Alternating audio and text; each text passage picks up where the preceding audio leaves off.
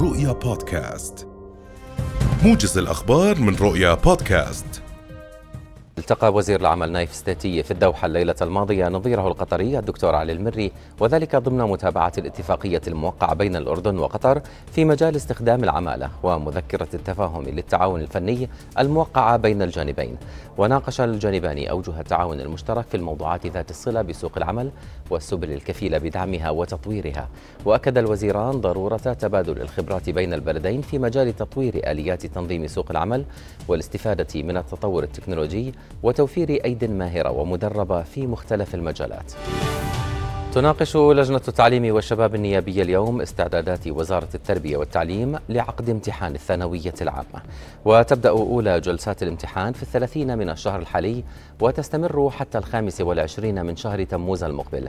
وتناقش اللجنة أيضا موضوع الرتب العلمية للمعلمين وإعادة النظر بالتقارير الطبية للأمراض المزمنة.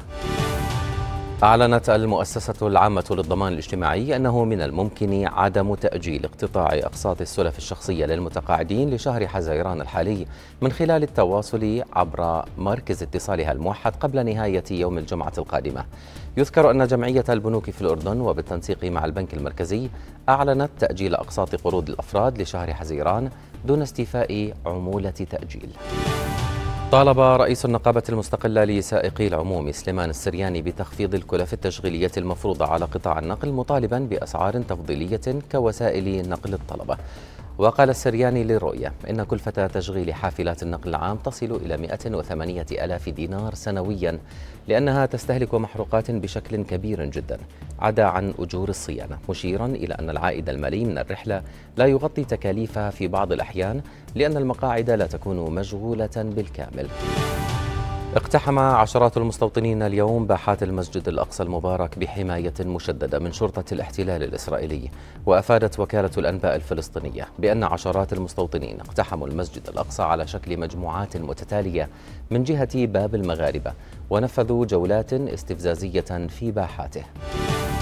حذر المنسق المقيم للأمم المتحدة ومنسق الشؤون الإنسانية في سوريا عمران رضا من تداعيات إنسانية خطيرة تنجم عن إغلاق مطار دمشق قد تؤدي إلى نتائج سلبية إضافية على السوريين.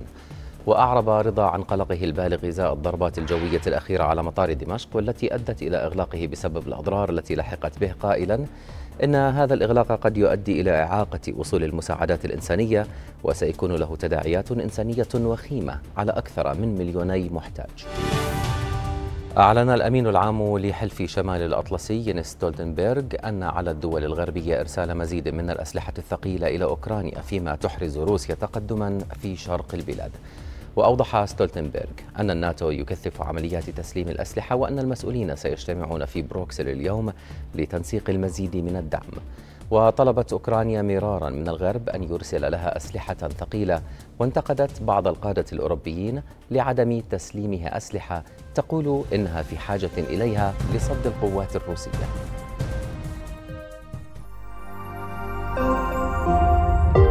رؤيا بودكاست.